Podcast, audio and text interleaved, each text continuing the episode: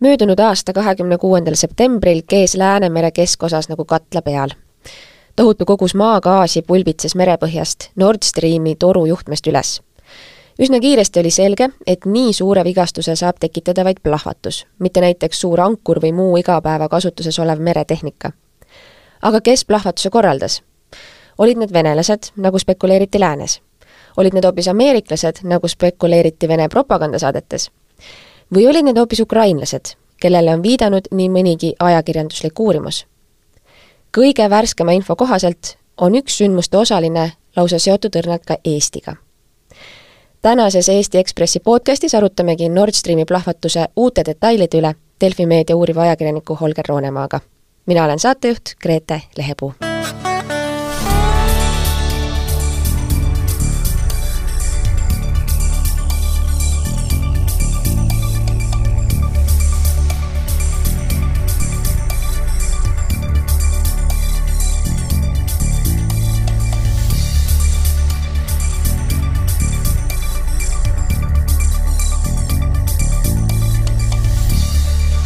Holger, tere tulemast tagasi Eesti Ekspressi podcasti! tere, Grete!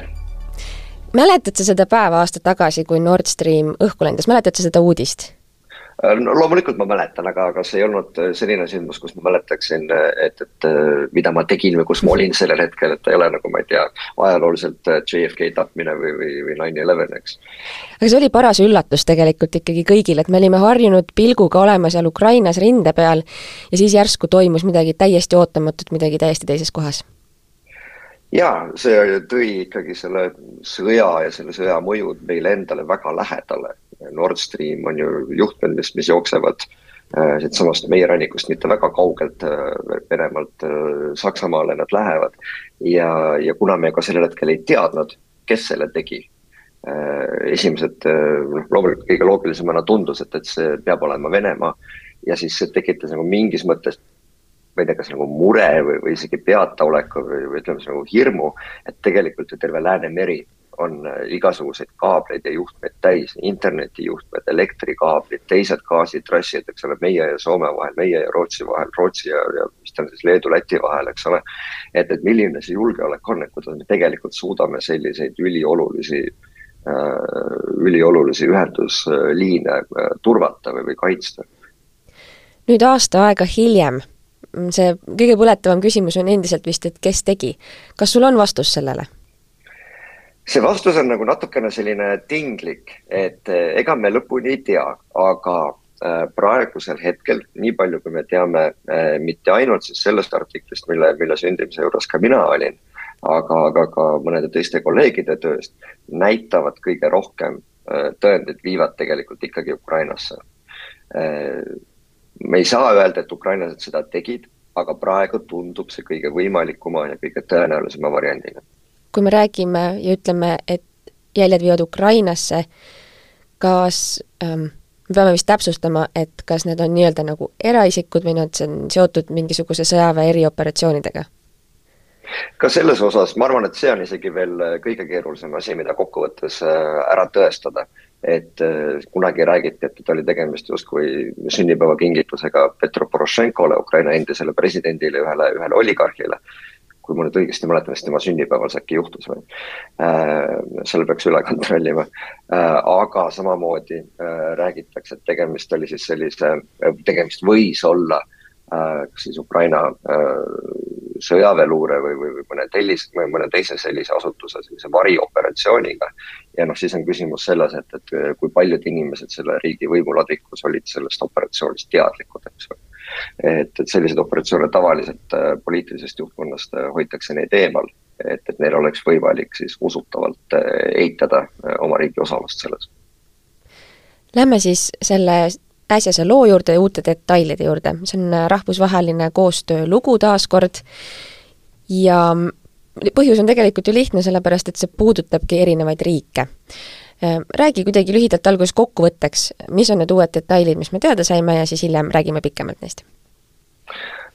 no kuskohast me pihta hakkame, et, et me saime, kõige lihtsam võib-olla alustada sellest, et me saime teada äh, peaaegu täpselt, kuidas siis see peamine kahtlusalune äh, purjepaat või, või jaht, kuidas seda öelda, Andromeda on ta nimi, et milline ta teekond täpselt oli äh, enne, enne plahvatuste toimumist septembrikuus me täitsime mõned lüngad seal, me teadsime, et, et veel umbes nädalapäevad varem asus selle meeskond ja Andromeda jaht tegelikult äh, Lõuna-Rootsis Sandhamni sadamas äh,. Nad olid füüsiliselt siis Rootsis kohal, et, et see on üks avastusi äh,. ja kui me vaatame Sandhamnist, nende teekonda viis, viis tagasi Kristjansö saarele ja sealtpoole, et äh, need nii-öelda plahvatuskohad tegelikult jäid täpselt äh, trassi või trajektoori peale Äh, mida ja kus kohas nad seal mere peal kogu aeg täpselt tegid, et nad tiirutasid seal edasi-tagasi, kas nad ootasid äh, halbade ilmade pärast, kas nad ootasid äh,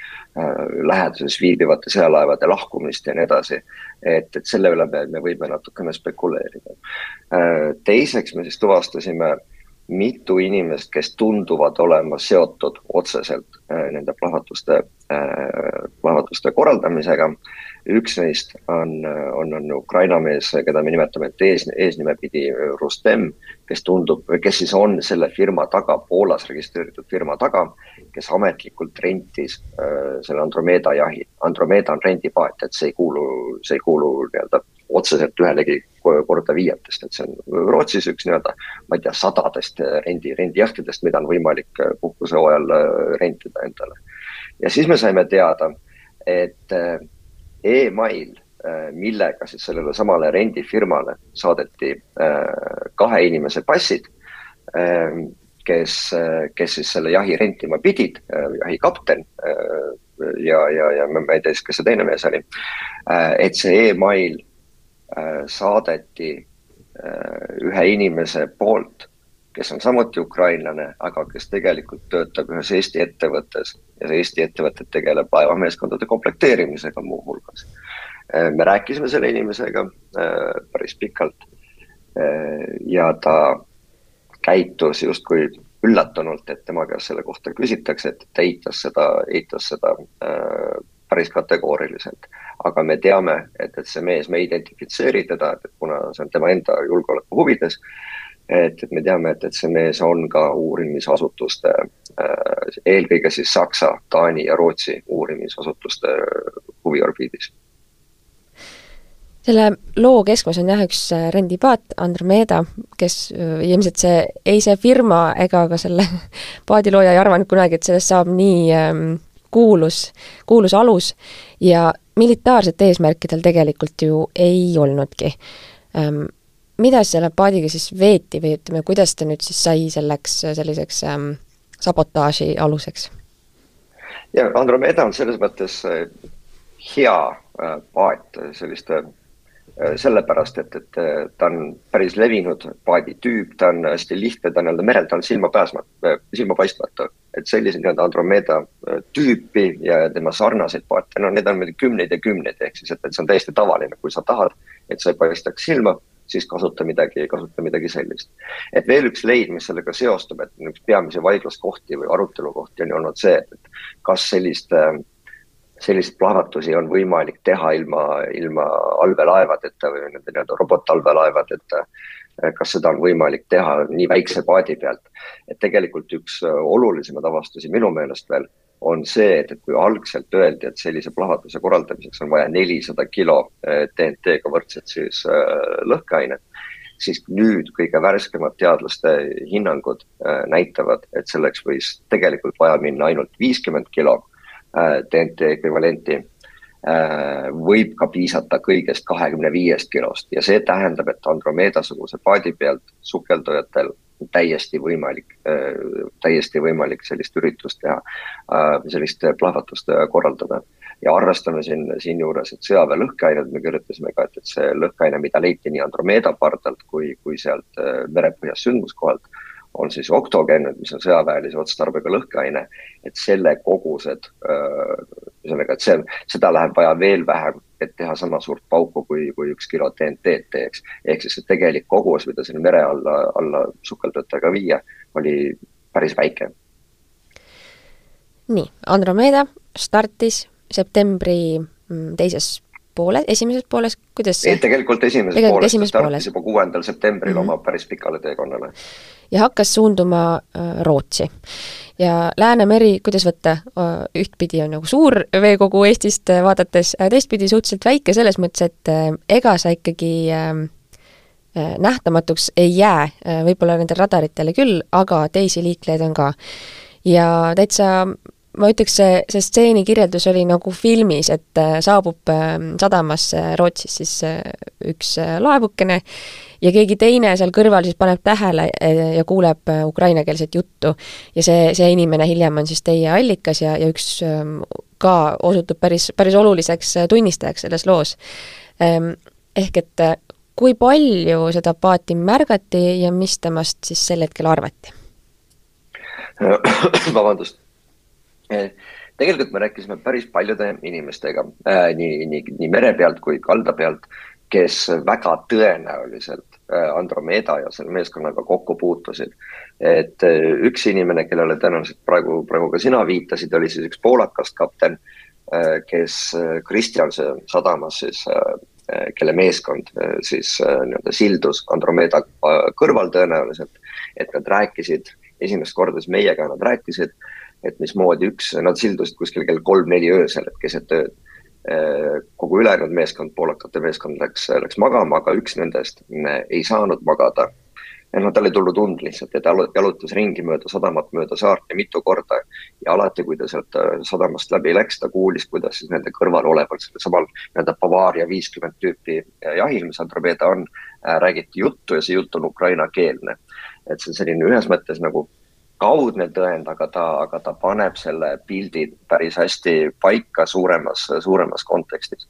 täpselt samamoodi äh, me rääkisime, äh, minu, minu Rootsi kolleeg äh, rääkis Sandhamni sadamas Rootsis ühe Saksa, ühe Saksa meremehega, kes täpselt samuti märkas viie-kuueliikmelist ukrainlaste või nii-öelda tema nimetas seda ida, Ida-Euroopa pärasteks meesteks kes rääkis mingis imelikus keeles, kelle seas oli üks äh, kleenuke äh, naine. Äh, ja mis oli siis täpselt nendel kuupäevadel, mida me teame ka kriminaaluurimise ja luureallikatelt, et kunas see Andromeda tegelikult seal sadamas pidi, pidi viibima. ja need mehed paistsid silma tegelikult, mis on nagu imelik kogu selle loo juures, et kui sa lähed sellist salaoperatsiooni tegema, siis tegelikult nad paistsid mitmel puhul silma, et, et üks inimene rääkis, mismoodi nad äh, suitsetasid ja olid, olid päris närmakad kuskil, kuskil, kuskil sadamas Äh, teine inimene äh, rääkis, äh, mismoodi nad paistsid silma sellega, et nad ei läinud nii-öelda üksinda paadiga tulevatele jah, üksik, üksikutena tulevatele paatidele appi silduvad, mida meremeeste hea tava ette näeb. et jällegi paistsid silma. isegi Poolas, Poola Kolbergi sadama kapten kutsus neile, kutsus neile kohaliku piirivalve ülevaadet, kontrolli tegema mis oli siis eeldatavalt pärast seda aega, kui nad olid pidi, pidanud, oleksid pidanud juba, juba lõhkeainet plahvatama merepõhja, et nad kontrolliti üle, pandi nimed kirja. Äh, ja, ja nii edasi, nad loomulikult kasutasid nad võltsitud passe selle kõige juures. et nad tegelikult paistsid silma ja me nägime päris palju inimesi kohtasime, kes, kes väga tõenäoliselt nendega kokku puutus. ja väga huvitav on see veel tegelikult, ma ei, ei lase sul üle võtta, et väga huvitav on see, et kui Andromeda viis sadama tagasi Preege sadam või viis paadi tagasi Preege sadamasse, see oli kuskil seal, ma ei mäleta, kahekümne mitmendal septembril. et siis sadam, sadama, sadama kontor oli juba kinni ja nad äh, lahkusid ilma siis seda nii-öelda äh, tagatiseks jäetud raha äh, tagasi küsimata. mis on tegelikult, ma ei saa öelda täpselt, kui palju see on, sest ma ei tea, aga, aga noh, see ei ole päris kolm viiskümmend, et see on päris suur summa. ja, ja needsamad telefonid, mida siis uurijad arvavad, et nad kasutasid et äh, need telefonid on siis hiljem äh, leitud äh, nii-öelda, on, on, on tuvastatud, et nad asusid hiljem Ukraina territooriumil. mismoodi ühed ajakirjanikud leiavad üles ühe Poolast pärit kapteni huvitav on selle asja juures see, et, et meie selles uurimisgrupis, kus meil oli palju partnereid Saksa väljaannete seast Süddeutsche Zeitung ja, ja Die Welt näiteks ja, ja, ja riik, rahvuslik äh, ringhääling ARD, nende telekanal Rootsist, meie Poola partner, et nende seas on väga palju meremehi tegelikult, kes ise käivad äh, Läänemere peal äh, väga palju purjetamas. et selline olemuslik know-how oli, oli meie meeskonnas juba väga kõrgel tasemel, aga selle juurde et see ei olnud ainult nii-öelda oma tutvusringkonnas või oma kogukonnas rääkimine, et tegelikult siia eelnes nagu kuudepikkune avalike andmetega äh, töötamine, kaardistamine, et millised jahid äh, olid või millised paadid, millised laevad olid, millisel hetkel, kus kohas, kas nad võisid kokku puutuda ja nii edasi, sadamates sadamakaptenitega rääkima, siin oli siin oli noh, metsikult palju nii sellist ähm, osindtööd kui, kui ka, kui ka lihtsalt uksele jällegi koputamist ja, ja inimeste rääkima panemist. et sellesama Poola kapteni, kes on üks võtmetunnistajaid tegelikult praegu äh,, selle me leidsime kokkuvõttes alles nagu umbes nädal aega enne, enne avaldamist. ja see mees jäi mõtlema, ütles, et kuule, ma vist peaksin seda juttu tegelikult rääkima ka vähemalt Taani kriminaaluurijatele, et kas te saate aidata meid kokku panna et noh, kokku panna, et me saame talle anda õige suuna kätte. uksele koputamisest rääkides, ähm, seda tuleb mõnikord ajakirjanike töös ette, aga mitte liiga sageli, et ähm, allikas muutub otseselt vägivaldseks, aga selles loos see juhtus. miks ja kus? seesama äh, Rustem, keda ma enne mainisin, et kes on siis äh, Poolas registreeritud ettevõtte äh, väidetav tegelik omanik, kes selle Andromeda rentis et meie kaks kolleegi, üks Poolast tegelikult Ukraina kodanik ja, ja üks Prants-, Prantsusmaalt prantslanna äh,, läksid talle Kiievi lähedal siis tõesti külla, et, et ta käest küsimusi küsida, et kuna ta meie e-kirjadele, telefonikõnedele millelegi ta ei, ei reageerinud ega vastanud. ja siis seal kohapeal äh, läks asi natukene käest ära, et nad pääsesid äh, sinna Rustemi nii-öelda, see on niisugune siseaed või nagu no,, nagu ikka, et kinnine aed, et nad said väravast sinna sisse Nad koputasid uksele ja siis, kui Rustem äh, välja tuli, äh, läks ta väga vägivaldseks, äh, ähvardas läbipeksmisega, võttis ühelt ajakirjanikult ära telefoni, viskas või peksis selle vastu, vastu maad puruks. nii et need ajakirjanikud ja need ajakirjanikud ei saanud enam väravast välja, et värav oli ise olnud lukustatud. ja selleks, et, et sealt nii-öelda välja pääseda, nad pidid põgenema äh, üle aia ja see aed oli kaetud äh, okastraadiga Äh, nii et, et üle, üle selle okastrat aia ronides nad äh, lõhkusid oma käed päris, päris koledalt veriseks, nad jäid ilma sellest telefonist, et see oli, oli päris äh, šokeeriv. see ei aseta seda Rustemi just väga heasse valgusesse?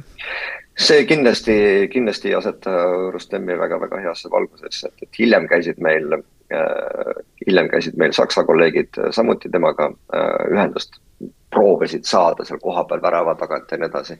ja seal tulid juba noh, päris otsesed nagu tap-, tapmisähvardused, et et see, see kindlasti jah, ega ma ei oskagi rohkem selle kohta öelda, see kindlasti ei näita seda meest selle loo kontekstis väga heas valguses. seda enam, et, et kaks sellesama Rustemi äh, lähedast inimest äh, täiesti eraldiseisvana on meile kinnitanud, et Rustem on omavahel öelnud, et üks pikaajaline klient palus tal selle Andromeda äh, rentida. kes, seda me ei tea ja nüüd siis see seos Eestiga. Ehm, kasutada Eesti ettevõtte emaili, et saata mingisuguseid dokumente, see nagu mm, see ei tundu väga. ma pean kohe vahele segama, et, et, et, et ma ei saa öelda, et see oli Eesti ettevõtte email. me mm -hmm. teame, et, et, et Eesti ettevõttes töötab mees, saatis emaili, aga okay. millise aadressi pealt, seda ma, seda ma lihtsalt ei tea mm. -hmm. mingil määral see mm, on, noh, alati on üllatav, kui tuleb Eesti seos välja mingites sellistes suurtes äh, lugudes, teistpidi jällegi ka ei ole. no meenutame kas või seda Pihkva ähm, lennuvälja plahvatamist, kus kohe Vene propaganda ütles, et noh, arvatavasti need droonid Eestist ikkagi tulid, kuna siin mõnekümne kilomeetri kaugusel me oleme, ja veel mingeid seoseid, et ähm, kui, või, või kui tapeti Darja Tuugina, siis öeldi ka, et noh, et, et need mõrtsukad põgenesid Eestisse, ehk et selles konfliktis, selles äh, Vene agressioonis alati kuidagi Eesti äh, saab nii-öelda pihta või tahetakse meid milleski süüdi lavastada. Kuidas sulle tundub ja, ja ma ei tea, kui palju sa saad rääkida, et äh, mis siin see, mis siin see Eesti roll tegelikult kuidagi on või, kuidas ta paistab?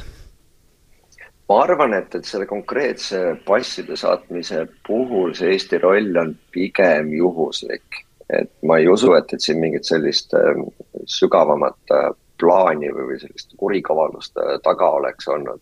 et tegelikult me teame, et, et, et see ongi nii-öelda, et see mees leiti üles tuvastati, et ta on ukrainlane, ta elab Ukrainas, ta tegelikult töötab füüsiliselt Ukraina pinnalt ja, ja, ja nii edasi.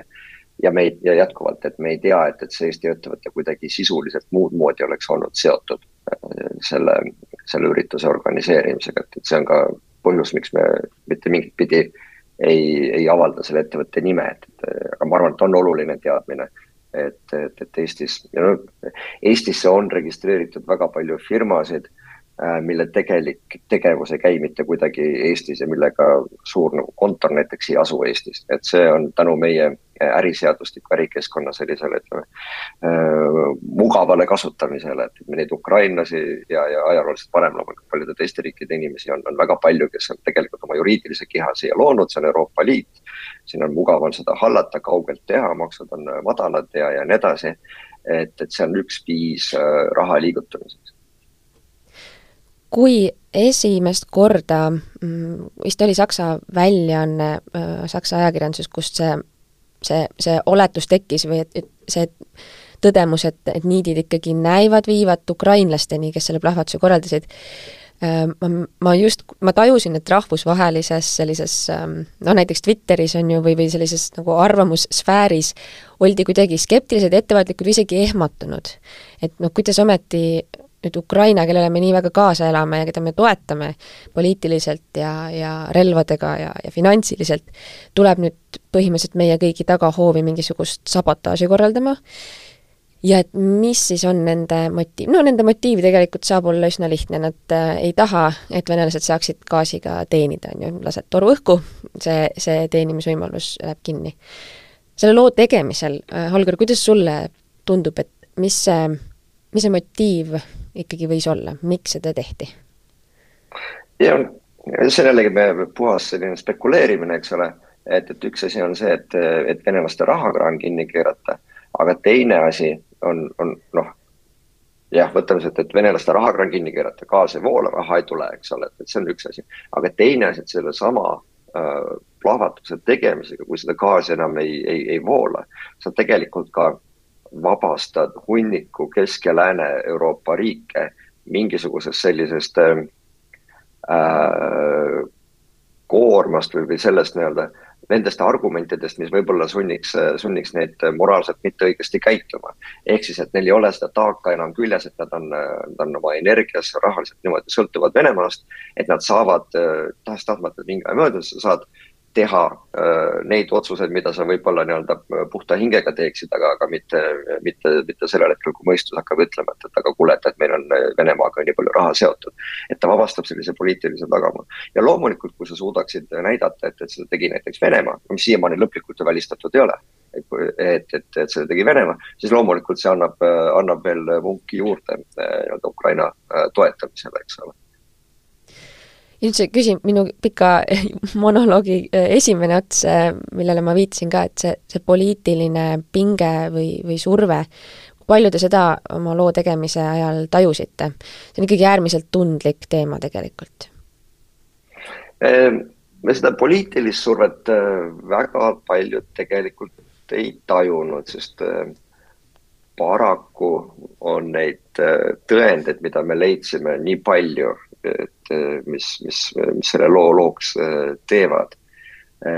Küll aga kindlasti pidime me nii-öelda väga hoolikad olema selles osas, et, et mida me suudame ise tõenditega kait-, ära kaitsta, kus kohas me ei lähe võib-olla mingisuguste, luure ja mis muude huvide õnge et, et nagu iga sellist infot kinnitada võimalikult mit-, infokildu kinnitada võimalikult mitme äh,, mitme allikaga.